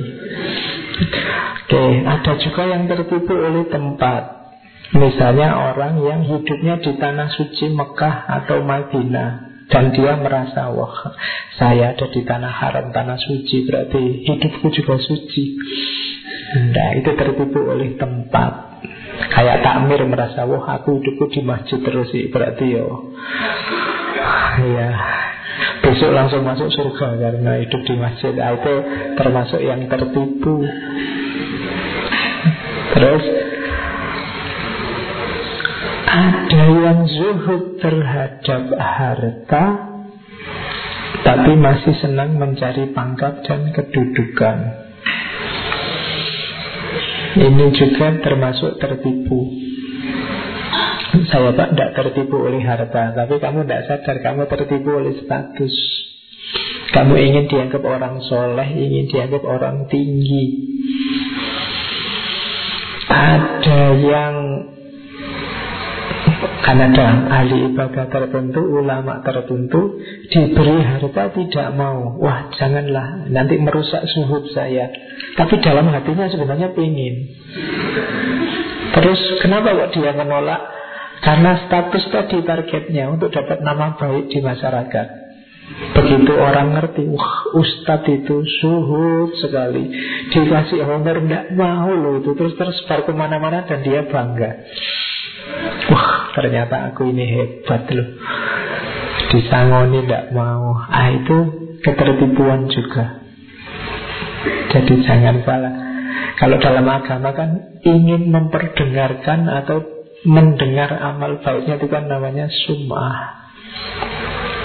Jadi menyebut-nyebut aku Atau ingin mendengar orang lain Menyebutkan kebaikannya ngaji ini sudah berapa ratus sesi. Luar biasa. Terus uh seneng aku. Sudah banyak yang suka ngaji ini. Ah, Itu berarti kehilangan Ketertipuan Jadi kita sedang tertipu Kehilangan kualitas Kehilangan nilai baiknya. Kita nganggapnya baik Tapi sebenarnya tidak. Ada juga ahli ibadah tertipu yang memaksakan diri memperbanyak amalan lahir tapi melupakan olah batinnya itu tadi di depan juga sudah ada Sholawat sehari seribu kali Puasa Dawud puasa Senin Kemis itu amalan lahir. Boleh bagus tapi jangan lupa amalan batinnya. Nah ini kelompok ketiga Ahli harta, hartawan. Ahli ilmu, ilmuwan. Ahli bolos. Oke. Yang pertama Kelompok orang kaya yang terlalu antusias. Pokoknya di mana ada kata terlalu pasti jelek.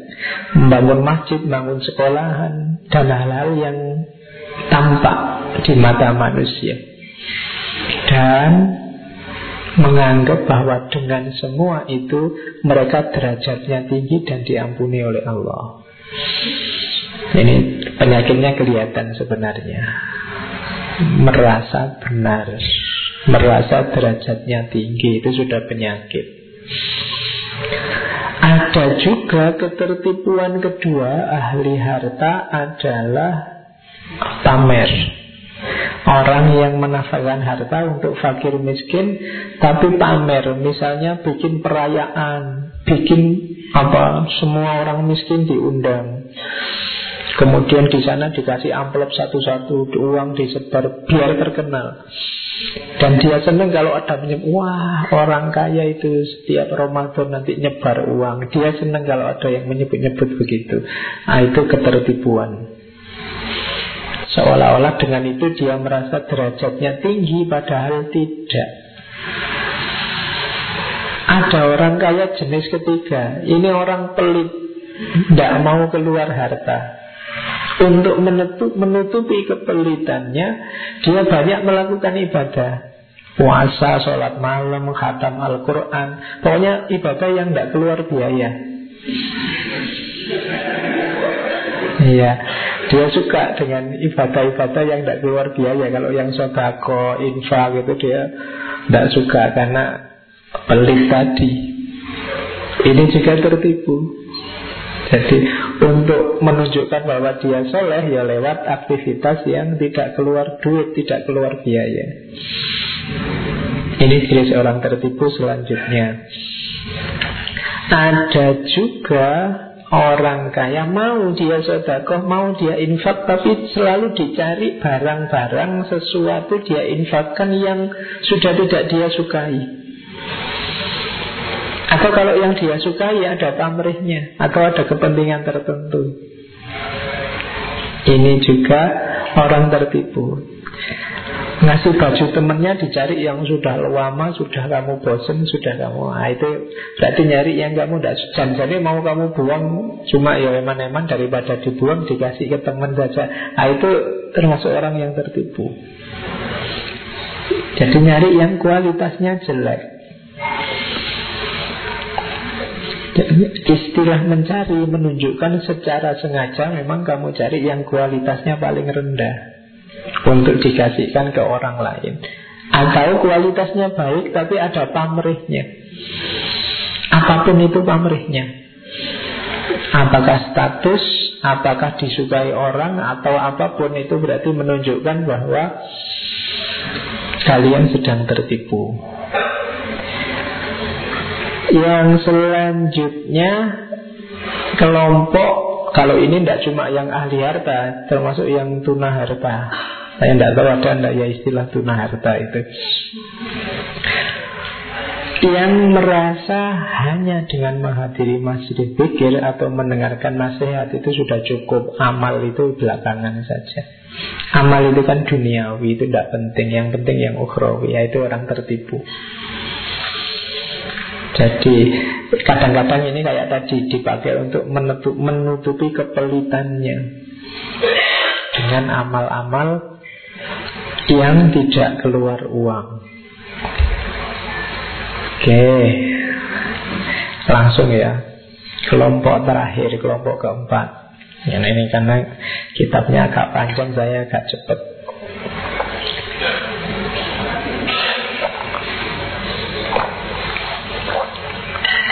Kaum sufi Kadang-kadang sering juga mereka ini tertipu Yang pertama, ada orang yang tertipu oleh pakaian, ucapan, sikap, gaya sufi. Ada orang yang hanya niru bajunya menggunakan istilah-istilah dan perilaku lahirnya sufi, terus merasa aku sudah sufi tanpa mau lelah untuk mujahadah, riyadho atau tasfiyatun nafas. Pokoknya kamu pakai sorban, pakai baju putih, nggawa tasbih ke mana-mana, subhanallah, subhanallah, subhanallah. Terus kamu merasa wes sufi. Kalau diajak ngobrol pokoknya kalimatnya kalimat-kalimat sufistik semua. Subhanallah, astagfirullah. Dan kamu merasa sudah sufi dengan itu Atau bajunya saja pakai baju putih-putih, pakai baju dan kamu merasa tinggi dengan itu. Atau sufi itu bajunya yang jelek-jelek, yang agak anu, terus kamu juga pakai baju itu. Hanya dengan itu tidak cukup kamu jadi sufi. Tapi kalau kamu merasa jadi sufi hanya dengan itu Tanpa mujahadah, tanpa riadah, tanpa tasbiyatun nafas Ya kamu sebenarnya sedang tertipu. Hanya casingnya saja. Kamu hanya niru pakaiannya Niru Mungkin jenggot kamu panjangkan Rambutnya mbak semir putih dan gaya syekh Terus. Tasbihnya besar Kalau ke masjid duduk paling depan Kayaknya wiritannya setengah jam dewe Tapi hanya acting Biar dianggap sufi maka kalian sedang tertipu. Ya. Tapi saya aslinya memang gitu kok Pak, ndak eting ya. Kalau ndak eting ya ndak apa-apa, ndak usah baper. Ya kan? Loh kalau kamu baper itu menunjukkan kamu acting sebenarnya. Jadi ada kelompok yang tertipu oleh casingnya. Ada yang lebih parah. Jenis kedua Ada kelompok yang menggunakan identitas kesufiannya Untuk memperoleh harta yang haram Harta yang subhat Sekerat uang Sekeping cinta Berebut pengaruh Saling bersaing mendengki antar kelompok. Ada. Ada itu berarti bukan semua. Siapa yang tertipu ini? Dengan identitas kesufiannya dia menyandarkan hidup. Wah kalau saya sufi ini nanti kan banyak yang datang ke saya. Atau banyak yang undang saya. Sehingga saya dari situ dapat Maisha, dapat uang. Atau untuk cinta. Banyak yang suka padaku. Kalau saya sufi gini Wah semua datang padaku salaman cium tangan lumayan. Jadi atau nyari pengaruh. Dengan saya sufi gini Orang segan padaku. Jadi kesufiannya Dipakai untuk mengejar kemanfaatan duniawi yang rendah Secara sengaja nah, Itu juga sumbernya penyakit Ada yang lebih halus Jenis ketiga ini kebalikannya yang pertama tapi sama-sama tertipu. Yang ketiga ini kelompok yang mengaku berjiwa sufi tanpa atribut-atribut kumal kesufian menggunakan istilah-istilah dan perilaku populer kaum sufi. Tapi sebenarnya mereka juga tertipu kalau bahasanya Ghazali terjemahan letternya kayak orang yang sok sufi. Saya ini biasa-biasa gini, tapi jangan salah. Sufi ini. nah, kelihatannya saja tidak pernah kopian, tidak pernah anu. Sufi ini. Nah, itu kelompok ketiga, tertipu. Ya kayak gini ini sufi kota, sufi modern, sufi kontemporer. Jadi tidak kayak dulu Kalau dulu kan pakai baju robek-robek Tidak, sekarang sufi itu di kafe-kafe. Nah itu bukan masalah di kafenya Bukan masalah itunya Tapi masalah ngaku-ngaku sufi itu loh Yang masalah. Jadi tertipumu di situ Enggak kayak kalau yang pertama kan jelas kamu pakai sorban, pakai jubah terus pingin dia. Kalau ini mungkin kamu biasa-biasa saja.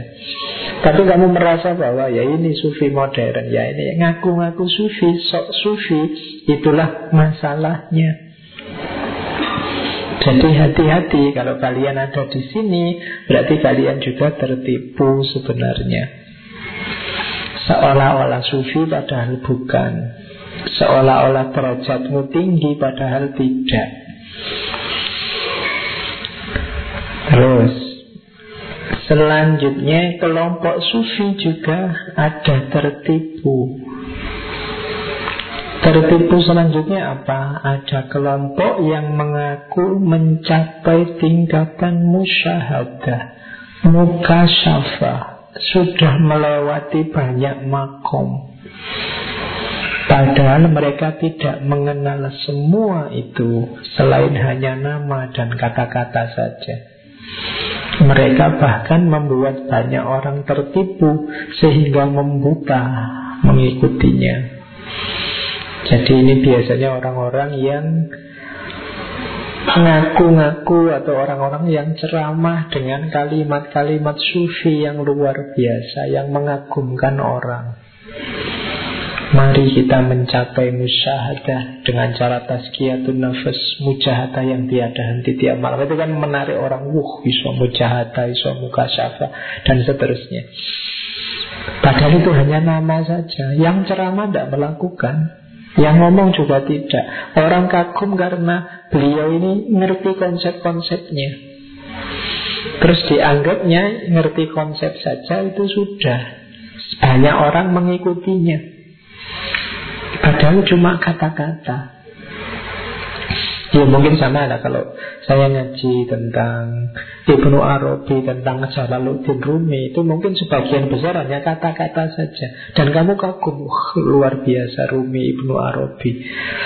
Kagummu pada Ibnu Arabi pada Rumi jangan-jangan mengimbas anggap aku juga kayak gitu. Kok yang dilarang aku merasa juga kayak gitu? Nah itu berarti aku tertipu kamu tertipu oleh kata-kata. Seolah-olah Ketika saya ngomong tentang muka safa Aku sudah muka safa Dan kamu menganggap aku juga sudah muka safa Nah Jadi aku tertipu Kalian tertipu. Jadi ini ngajinya orang-orang yang tertipu. Oke Ada kelompok selanjutnya di antara para sufi ada kelompok yang mengaku tenggelam dalam rindu dan cinta pada Allah. Mengaku mabuk sama Allah. Tapi ternyata dia belum kenal Allah dan segala sifat-sifatnya sehingga dia malah melakukan sesuatu yang dibenci oleh Allah mengutamakan hawa nafsunya atas nama Allah ini banyak kadang-kadang kalian kan dapat berita orang yang ngaku-ngaku Imam Mahdi, ngaku-ngaku Sufi, ngaku-ngaku tenggelam dalam mabuk Allah, tapi kelakuannya ternyata hal-hal yang dibenci oleh Allah. Atau sebenarnya itu mengikuti hawa nafsunya, tapi atas nama Allah. Dan beberapa kali di media kan ada berita misalnya Ustadz yang nakal pada santriwatinya misalnya. Dan santriwatinya nggak berani bantah kenapa? Karena waktu si ustadznya mau nakal atas nama Allah. Hmm, iya. Kalau sudah atas nama Allah kan rawani bantah deh tadi malam saya dapat ilham Iya, saya dapat isyarat dari Allah loh. Eh, santri ini tidak wani bantah kalau sudah begitu perintahnya Allah. Eh. Jadi Akhirnya tertipu Semuanya tertipu Begitupun si ustadz masih merasa dirinya mulia Ini menunjukkan ketertipuan Untuk keuntungan duniawi Dia memanfaatkan Kategori-kategori ajaran-ajaran sufistiknya. Nah ini ketertipuan kaum sufi. Ada lagi Ternyata dunia sufi banyak juga tipuan-tipuannya. Untungnya tidak ada ketertipuan kaum filosof. Tapi tidak ada di kitab ini. Nah Ghazali menulis sendiri kan Satu kitab khusus Tahafutul Falasifa. Kalau kalau di Tahafut Falasifa bukan ketertipuan Tapi kekacauan. Kekacauan para filosof. Pada saatnya kita angkat perdebatan Ghazali dan Ibn Rus. Oke, kelompok ketiga ada kelompok sufi yang terlalu fokus pada satu amalan dan melupakan dimensi yang lain termasuk hatinya. Misalnya ada yang fokus untuk soal makanan saja. Pokoknya saya mau nyari makanan yang halal saja. Ini tidak salah, benar. Cuma kadang-kadang konsentrasinya ke situ Terus itu saja yang diperhatikan Urusan hati, urusan yang lain diabaikan Ini juga tertipu. Mau apa saja dicek Ini minuman ini halal apa haram? Mau apa saja. Itu Menghabiskan waktunya hanya untuk satu itu. Itu juga tertipu.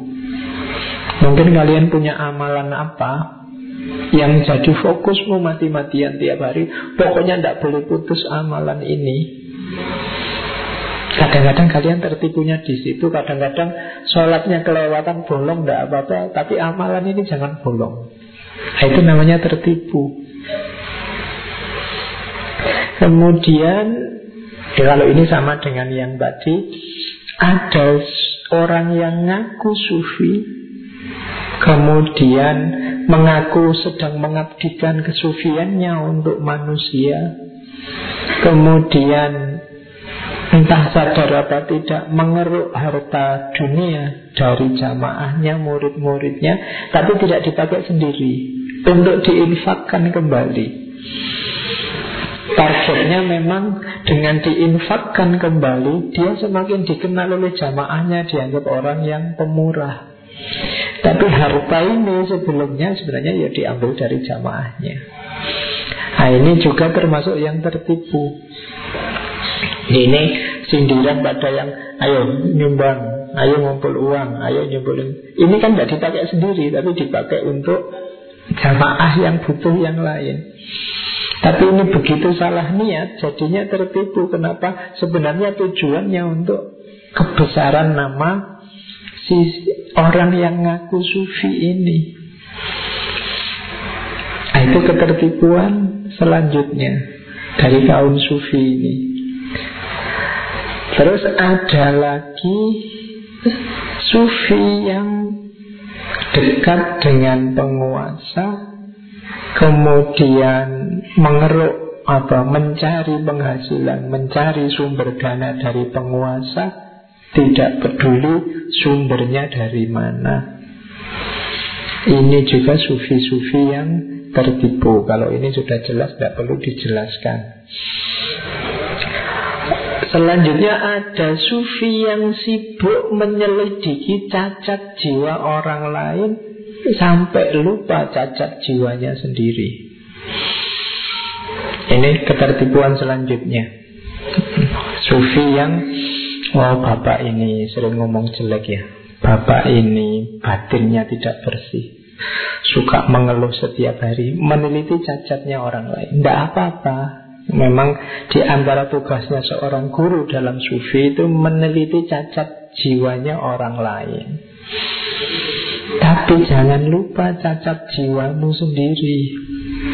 Kalau kamu lupa dengan cacat jiwamu sendiri, berarti Kalian termasuk orang-orang yang tertipu Kan ada memang kan sekarang sufi-sufi tertentu yang tampil mungkin di TV, di mana yang wah bapak ini sering sakit hati ya, sering ngomel ya kan kayak kayak gitu itu kan meneliti cacat jiwanya orang lain. Tidak apa-apa, asal tidak lupa cacat jiwanya sendiri. Katanya Ghazali ini kayak orang yang mempersiapkan orang lain, membantu orang lain untuk berangkat haji, dia sendiri nggak berangkat haji. Itu orang yang suka meneliti cacat jiwanya orang lain. Kalau ini agak tinggi, ada sufi yang melakukan suluk, mendaki makom demi makom, terpesona oleh makrifat, terus berhenti. Perjalanan suluk itu indah dari makom ke makom. Nikmatnya luar biasa. Nanti ada banyak pengalaman di situ. Hati-hati jangan tertipu oleh pengalaman-pengalaman luar biasa ini. Karena tujuan akhirnya seorang sufi adalah Allah. Kalau tertipu di situ, ya sudah. Kalau terpesona dengan pengalaman-pengalaman luar biasa ini, berarti sedang tertipu. Wah, makrifat Alhamdulillah Pak Saya sekarang ngerti macam-macam Yang orang lain sembunyikan saya paham Ketika kalian nyampe makom ini Dan terpesona di situ Dan tidak melanjutkan perjalananmu Berhenti di situ Di situlah kamu sedang tertipu. Jadi Ini levelnya lebih tinggi. Kalau ini sufi beneran. Menempuh suluk tapi tertipu oleh pengalaman-pengalaman luar biasa. Karena sufi itu biasanya ketika mengalami akhwal diberi oleh Allah anugerah kadang-kadang bentuknya karomah yang luar biasa mereka kadang tertipu di situ. Ada lagi yang terakhir ini juga kelompok salik. Ini lebih bagus dari sebelumnya tapi juga tertipu ini orang suluk yang pokoknya jalan saja melakukan amalan-amalan. Tidak tengok kiri kanan Yang tidak tertipu oleh hal-hal luar biasa. Cuma ilmunya kurang. Sehingga perjalanannya tidak tuntas. Merasa sampai padahal belum. Ini juga bahaya banyak kan yang kemudian ngaku-ngaku dapat ilham, ngaku-ngaku sudah sampai ketemu Allah, dapat wahyu, dapat wangsit, macam-macam. Ini sebenarnya ada yang kurang, kurang ilmunya. Karena kurang ilmu maka dia tidak tahu ini sudah sampai apa belum. Menganggap dirinya sudah nyampe, padahal belum. Jadi ini ketertipuan seorang sufi. Oke. Okay. Nah Kalimat terakhir Alhamdulillah nyampe juga ya. Kamu hari ini puanas Disindiri terus sama Ghazali. Jangan-jangan pulang dari sini Kamu sudah lemes. Ah salah kabeh ternyata. Iya tidak ada yang benar ternyata selama ini kita semua? Kita semua tergolong orang yang tertipu sebenarnya. Jadi ini Ghazali ini ringkas penjelasannya. Kalau mau agak panjang buka Ihya. Di Ihya penjelasannya lebih panjang, lebih detail Tentang orang-orang yang tertipu ini ini kalimat terakhir ya. Wa anwa ulururi fi tariqis suluki illallah la tas taksi illa ba'da syarhi jami'il ulumil khafiyah. Dan macam-macam ketertipuan di jalan menuju Allah itu tidak terhitung sebenarnya. Maka kita harus sangat hati-hati tidak terhitung kecuali Ba'da syarhi setelah menjelaskan semua ilmu-ilmu yang rahasia. Yang ini memang tidak bisa sembarangan diungkap. Wadzalika la ruhsata fi. Jadi masih banyak hal lain tentang ketertipuan yang tidak bisa diungkap karena berhubungan dengan ulumul khofiyah. Wakot yajuzu idharuhu hatta la yaqaul mahrurufi Tapi boleh sedikit-sedikit dijelaskan Sehingga orang-orang tidak jatuh pada ketertipuan jadi ini Ghazali mau bilang Yang saya jelaskan di depan tadi Ketertipuan yang macam-macam tadi Itu sebenarnya hanya bagian kecil saja dari ketertipuan. Jadi tidak banyak. Meskipun kamu sudah sejak tadi geleng-geleng Tidak ada habisnya Salah semua aku. Tapi katanya Ghazali itu baru kecil. Belum bisa diungkap semua yang bisa mengungkap nanti ahli ulumil khofiyah Orang-orang yang ahli ilmu-ilmu dalam ilmu batin Yang tidak sembarangan mengungkap tentang rahasia ketertipuan ini.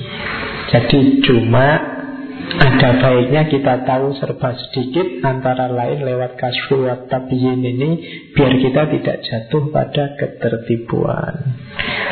Wabillahi taufiq wa huwa hasbi wa ni'mal wakil wala haula wala quwata illa billahil aliyyil azim. Oke, okay, Alhamdulillah ya kita sudah menghatamkan Al-Kasfu wa Tabiyin Dengan sekali ngangkat Ya detailnya kamu baca sendiri Ilustrasi-ilustrasi Ghazali Dalil-dalil yang diangkat dan macam-macamnya Silahkan dibaca, direnungi lagi, dijadikan pedoman karena ini hubungannya banyak dengan penyakit hati. Sering-sering dibaca lagi, jangan-jangan saya sedang ada di situ. Cepat-cepatlah keluar dari situ kalau memang pas ada di situ. Karena manusia itu cenderungnya lupa. Tidak sadar terjatuh di situ. Oke, saya kira itu kajian kita malam hari ini. Alhamdulillah kita sudah sampai sesi terakhir kita untuk bulan ini. Setelah ini istirahat satu bulan lebih sedikit. Nanti kita ketemu lagi setelah bulan Syawal, insya Allah. Jadi silahkan bulan Ramadan dimanfaatkan sebaik-baiknya. Semoga nanti keluar dari Ramadan setelah Syawal ada yang meningkat. Harus ada yang meningkat ya. Sawal sendiri artinya peningkatan Meningkat. Jadi semoga ada yang meningkat dari diri kita. Apa pun itu yang meningkat harus ada Semoga yang baik-baik Ya, dari saya sekian, kurang lebihnya mohon maaf. Wallahu muwafiq, wallahu alam bisawab. Wassalamualaikum warahmatullahi wabarakatuh.